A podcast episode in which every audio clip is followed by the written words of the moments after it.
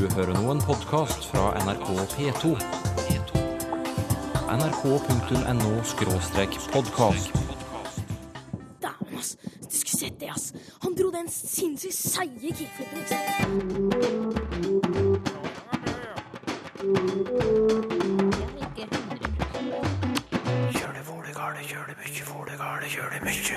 Har det blitt stuerent å bruke ordet kebabnorsk? Der er det flere som sier at eh, dette er mitt språk. Det kalles kebabnorsk, og det er helt greit. Noen substantiver kan også fungere som adjektiver, og de gradbøyes. For eksempel 'du er mer kaffekjerring enn meg'.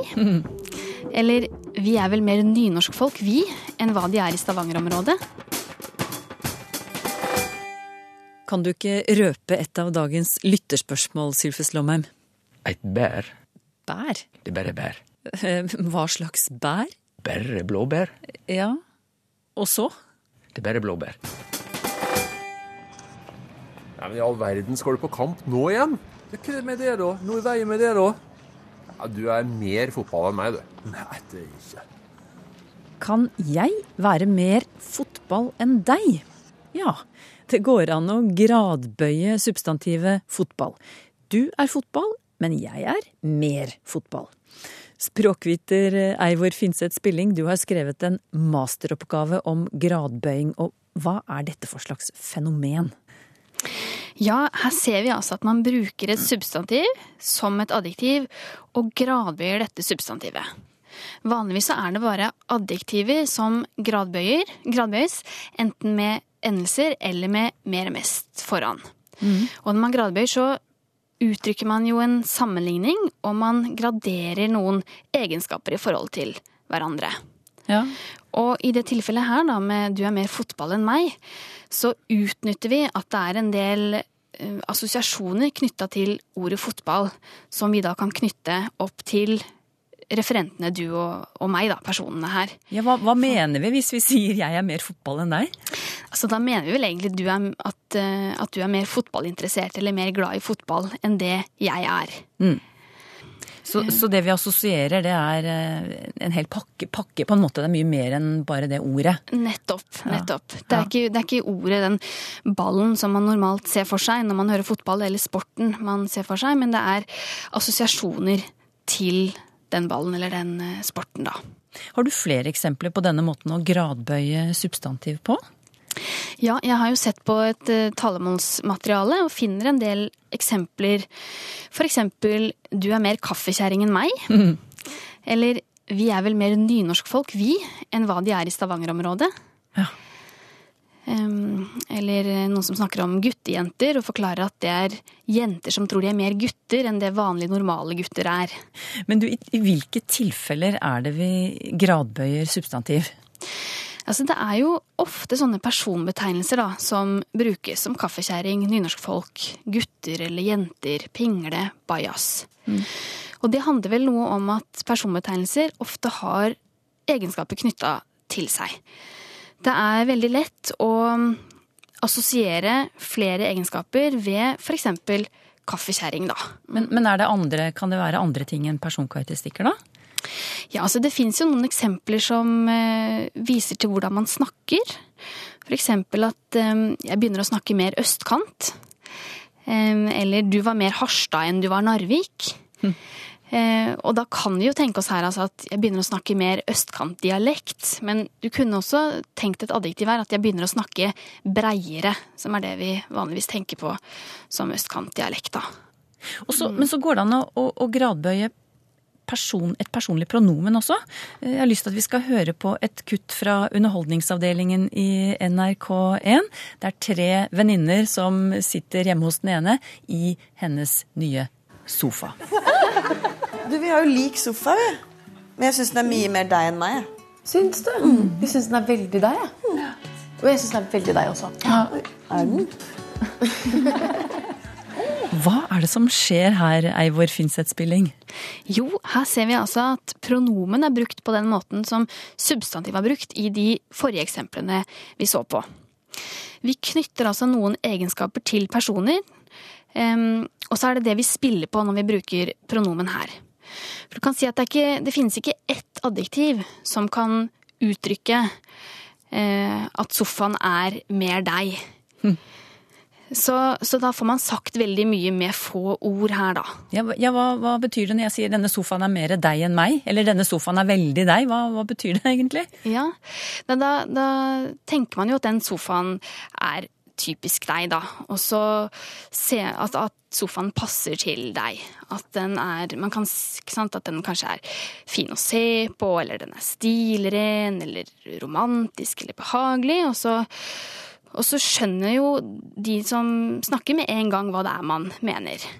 Men det jeg lurer på er jo hvorfor vi velger å snakke på akkurat denne måten som vi har gitt eksempel på nå. Du er mer fotball enn meg. Du har jo vist at man like gjerne kunne sagt du er mer fotballinteressert enn meg. Eller dette med sofaen. Denne sofaen er så deg. Så kunne man sagt at denne sofaen er eh, veldig din smak slik jeg kjenner den, eller ja. Så hvorfor gjør vi det på den, disse måtene her? Mm.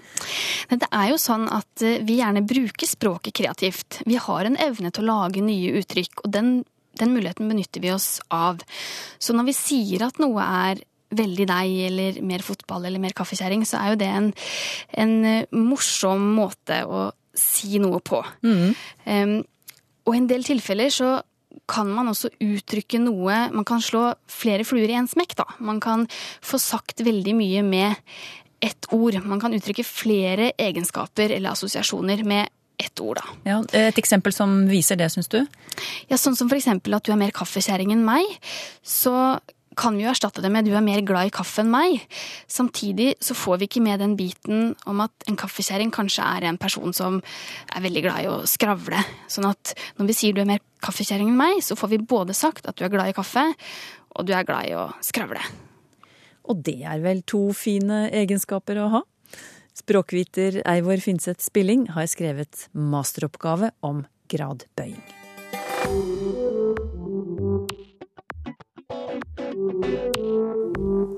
Å si at noen snakker kebabnorsk, er det greit, eller? Det syns jeg er dårlig. Fordi det er på en måte å latterliggjøre måten vi prater på. Jeg, ikke, jeg kaller ikke den måten du snakker på som for fiskenorsk, eller eh, trønderne for fårikålnorsk, eller skjønner du hva jeg mener? Det er rett og slett en latterliggjørelse. Det har ikke noe med respekt å gjøre. Det har ikke, ikke noe med Når var det mat hadde noe med språk å gjøre uansett? Det mente norsk-marokkanske Daniel Josef Nakken fra Holmlia i Oslo da han ble intervjuet i Språkteigen for fem år siden. Men kan det tenkes at synet vårt på ordet kebab-norsk er i ferd med å endre seg? Hva sier du, språkforsker Ingunn Indrebø Ims? Eh, ja, jeg tenker i hvert fall at eh, basert på en undersøkelse som jeg har gjort blant folk flest, så viser det seg at det i hvert fall ikke er så entydig negativt som det kanskje enkelte tidligere undersøkelser har, har framheva.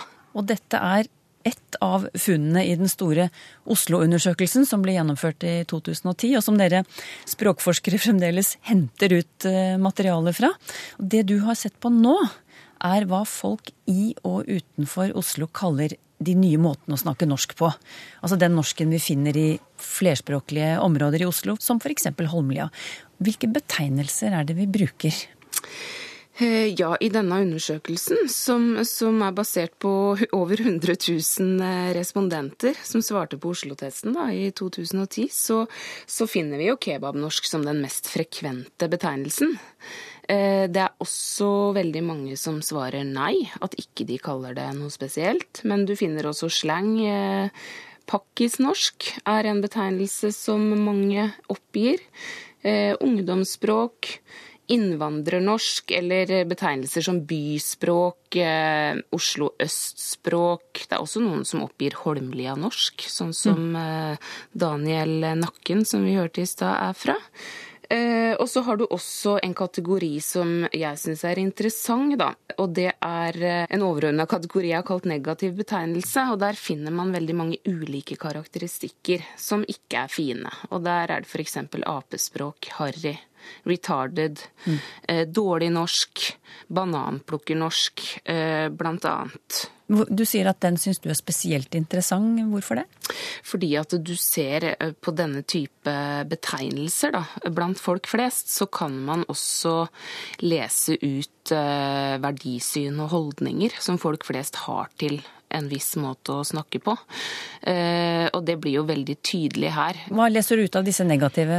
Si noe om det. Eh, Nei, der ser man jo negative, negative holdninger til at dette ikke er god nok norsk. Eh, Sånn at man rett og slett blir definert ut av det norske, og språket er jo, er jo viktig for å høre til og bli oppfatta som man hører til.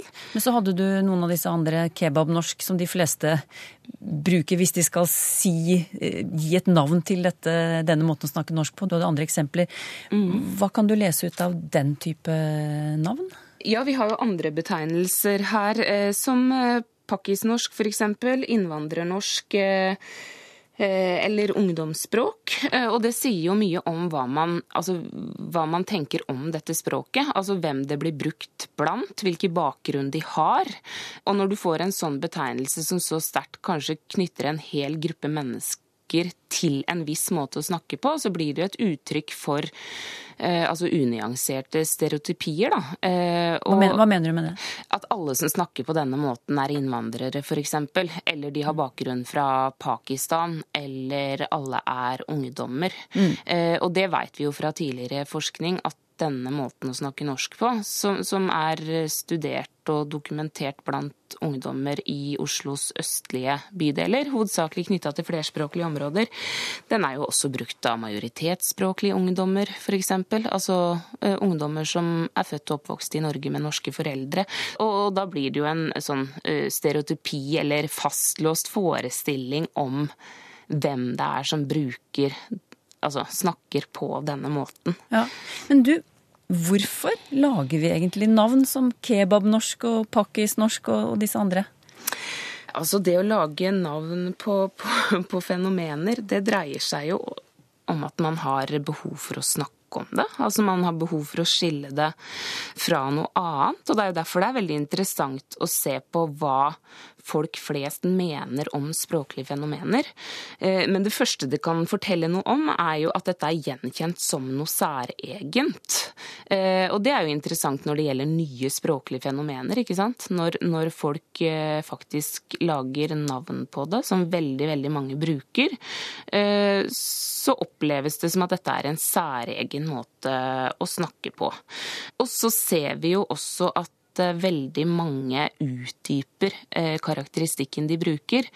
Så de er klar over at det å sette navn på noe eller noen, da, for her dreier det seg jo både om språkbruken og språkbrukerne, det kan være en veldig kraftfull symbolsk eh, handling, rett og slett. At da da kategoriserer man noe, og, og at det også kan være å sette noe i bås og ta avstand fra det, eller skape nærhet til det. Ja, hva sier de? Har du eksempler på det?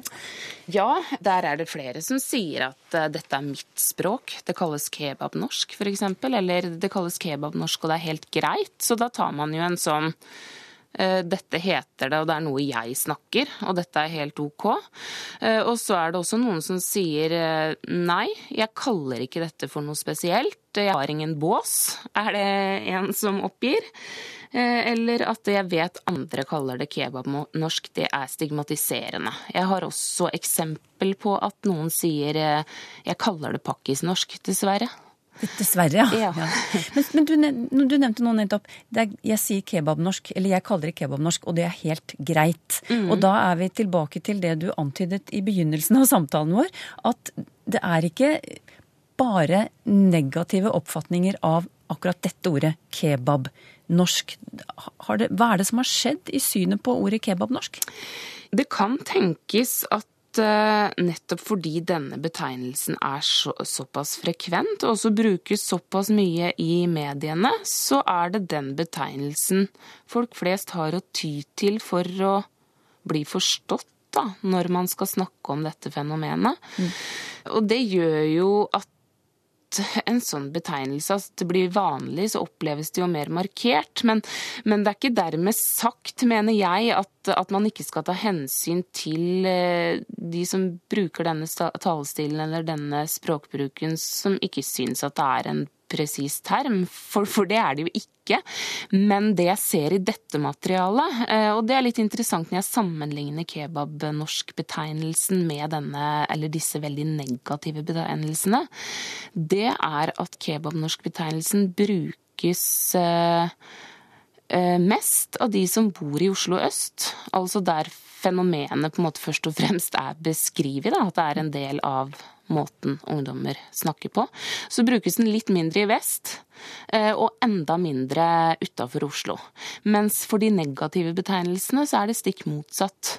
De brukes minst i øst, litt mer i vest eh, og enda mer utafor Oslo. Og da kan det jo tyde på at nærhet til dette språklige fenomenet gjør at man bruker kebabnorsk-betegnelsen, mens avstand til fenomenet gjør at man velger å definere det negativt, f.eks. Og da, da, kan det jo tyde på, eh, fordi så mange oppgir dette som den første betegnelsen de velger å ty til når de får et spørsmål om hva de kaller dette språket, i alle fall ikke i alle situasjoner oppleves som så negativt.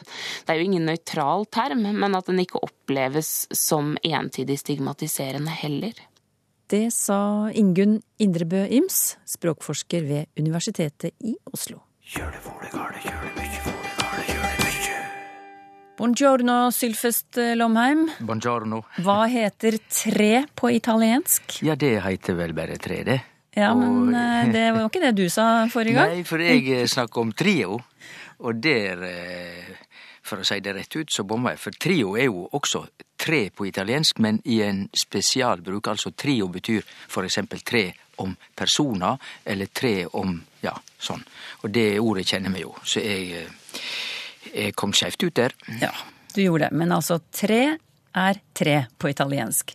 Og trio, da er det tre f.eks. tre personer som spiller musikk sammen. Nettopp, eller, ja. nettopp. Da sier vi takk til våkne lyttere som gjorde oss oppmerksomme på den lille glippen. Og så til et ord vi snakket om sist.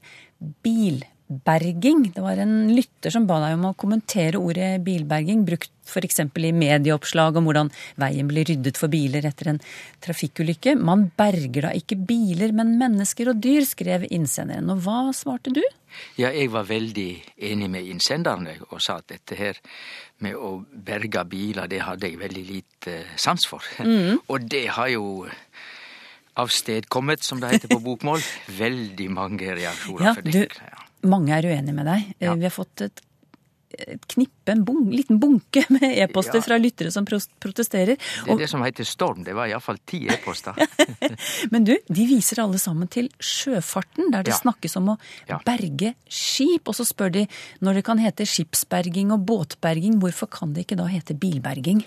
Jo, det kan jo i og for seg det, og vi veit jo altså de fleste innsenderne snakker om berging som et juridisk begrep i sjøloven og i det hele tatt. Og det er ikke tvil om at dette er et juridisk begrep. Ja, hva mener du med det? Ja, altså At det er et fagord innenfor uh, jussen. Det betyr ikke at berging innenfor jussen er på linje med det som er bruken av å berge i allmennspråk. Vi kan jo ta et så opplagt døme som er parallelt, nemlig begjær. Vi veit jo hva et begjær er for noe, og òg å begjære, men med en gang vi går over i jussen, så betyr begjære noe mer spesifikt. Det betyr å krevje, rett og slett. Mm -hmm. Å komme med et krav. Mm. Så, så, det at eh, berging blir brukt i juridiske sammenhenger, betyr ikke nødvendigvis at det er slik det også blir brukt i allmennspråket. Bare så det er sagt. Men dette er ikke noe um, avfeiing av uh, Berging blir brukt videre enn det jeg sa, for jeg var veldig kjapp på og sa at berging, det er snakk om det levende. Altså hvis jeg redder en person, så berger jeg en person, og hvis vi berger ned sauene fra fjellet, så er det dyr. Altså, vi bruker berger stort sett om det som er levende, men jeg burde jo lagt til at vi bruker det også i visse sammenhenger om daue ting, og da, nota bene, er det daue ting som vi som bruker da ordet, oppfatter som verdifulle. Og Derfor så ser vi jo at vi kan berge høyet, altså turrhøyet når det er tørt, men ein bonde vil aldri snakke om at han bergar graset som eh, er på marka, men han vil snakke om at han bergar høyet. Altså, konklusjonen blir at verbet å berga, som betyr omtrent det samme som å redde, brukar vi om levande, og også om ting når, vel å merke, vi oppfattar disse tinga som verdifulle. Og det er jo god sammenheng, fordi det levende er jo meir verdifullt enn det daue. Ja, jeg ser bilberging hvis du, hvis du, går inn på nettet og ser på hjemmesidene til sånne, sånne Falk, Viking, NAF. De ja. kommer og tauer bilen din hvis du har fått motorstopp på E6-en eller noe sånt noe. Det ja. kaller jo de bilberging. Ja da, og jeg mm. ser på det som et uh, juridisk uh, begrep igjen. Altså det henger sammen med både skipsberging og båtberging mm. og assuranse og forsikring er jo absolutt mm. et område innafor uh, juss. Ja. Så det vil jeg se på òg som litt spesiell bruk. Men jeg held fast at hovedbruken av å berge, som jo er nesten det samme som å redde, blir som regel brukt om levende ting. Vi berger jo ikke steinar som mm. kan dette ned på veien å være en fare. Du På Facebook nevner Ari Jansen at eh, berge også brukes regelmessig om f.eks. fotballag, politikere og andre som berger plassen sin. Og, og, ja, gjett om. Eh, og Tror du ikke vi, ja, Tror du ikke de ser på det som verdifullt? jo. Absolutt. Så, og, og han snakker om på nynorsk uttrykket 'berge seil' eller segl, og ja. må redusere seilføringen. Så han sier disse betydningene er heller ikke knyttet til levende vesener. Nei da, mm, men eh, ja. vi veit jo det at eh, på, eh, på, sjøen så er seglet vitalt. Det er mm. livsnødvendig. Mm. Så det òg henger nok sammen med at vi bruker berga om det vi oppfatter som verdifullt. Så til nye lytterspørsmål. Her er noe jeg både skjønner og ikke skjønner, skriver Bernhard Gjertsen. Faktisk skjønner jeg ikke bæret, selv om jeg skjønner hva det betyr. Men det er jo et pussig uttrykk, og hvor kommer dette bæret fra? Jo, det er fordi at et bær, for det er et bær det er snakk om, et bær er veldig lite. Så hvis ikke du skjønner bæret, da skjønner du lite eller ingenting. Altså, det er ikke noe å snakke om. Vi har jo òg uttrykket 'dette er jo bare blåbær'. Samme tankegang. Det betyr 'dette er jo lite, det er jo ingenting'. Det er bare bær. Det er bare blåbær. Verbet å slå er et interessant ord, skriver Bjørn Undrum. Det brukes på mange måter, både av abstrakt og konkret. Han har noen eksempler her. Slå opp med kjæresten. Slå an. Slå til i forretningslivet. Slå rot. Slå en skrøne. Slå lens osv. Slå ned en person. Slå av eller på lyset. Ja, hvordan kan det ha seg at ordet slå brukes i så mange forskjellige sammenhenger? Ja, Forklaringa er rett og slett at her har det vært mange mennesker før oss som har tatt dette verbet å slå som et vanlig hverdagsverb, og gitt det mange bruksmåter, altså bidreg til å utvikle språket og gjøre språket vårt rikt og i det hele tatt flott.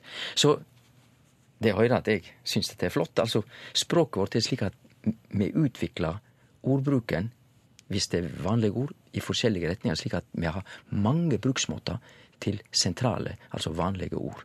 Og da Slå har jo alle disse bruksmåtene som eh, Bjørn Undrum refererte til. Jeg vil kanskje ta fatt i bare to av dem. Vi har eh, slå lens, og der lens er et gammelt nederlandsk lånord.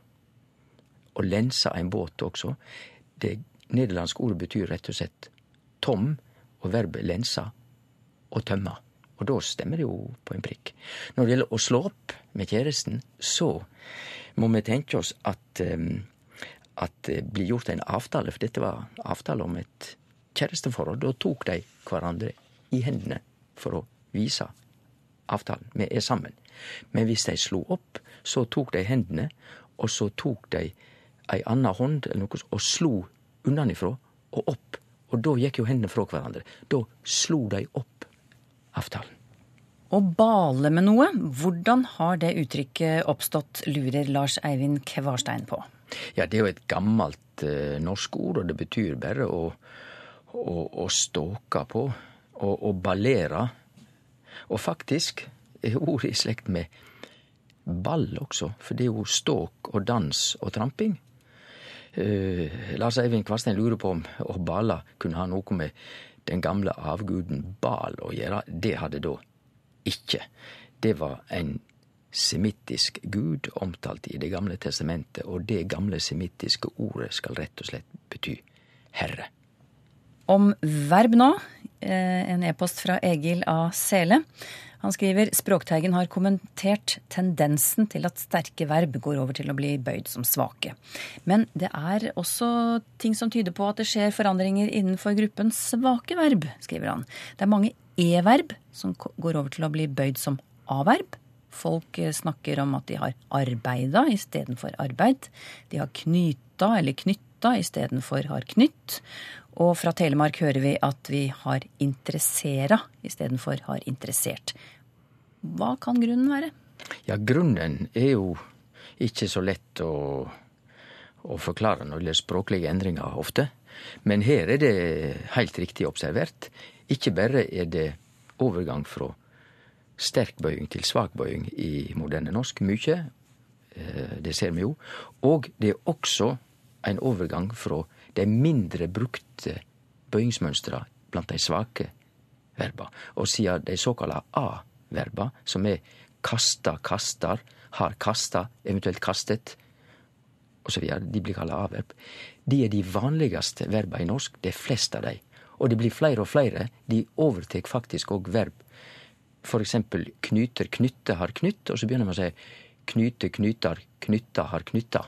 Typisk. Så for å si det kort verbklassen vår, altså som ordtype, det er desidert den mest uoversiktlige ordklassetypen i norsk, og der skjer det veldig mye.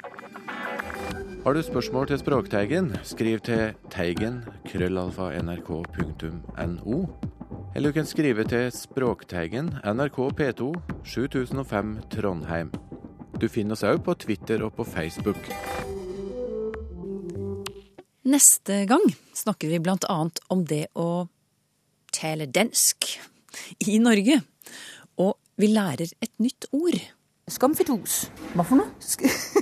Skumfidus. Det er en marshmallow. Ja. Si det langsomt. Skumfidus. Ja. Skumfidus. Ja. Språkteigen om en uke.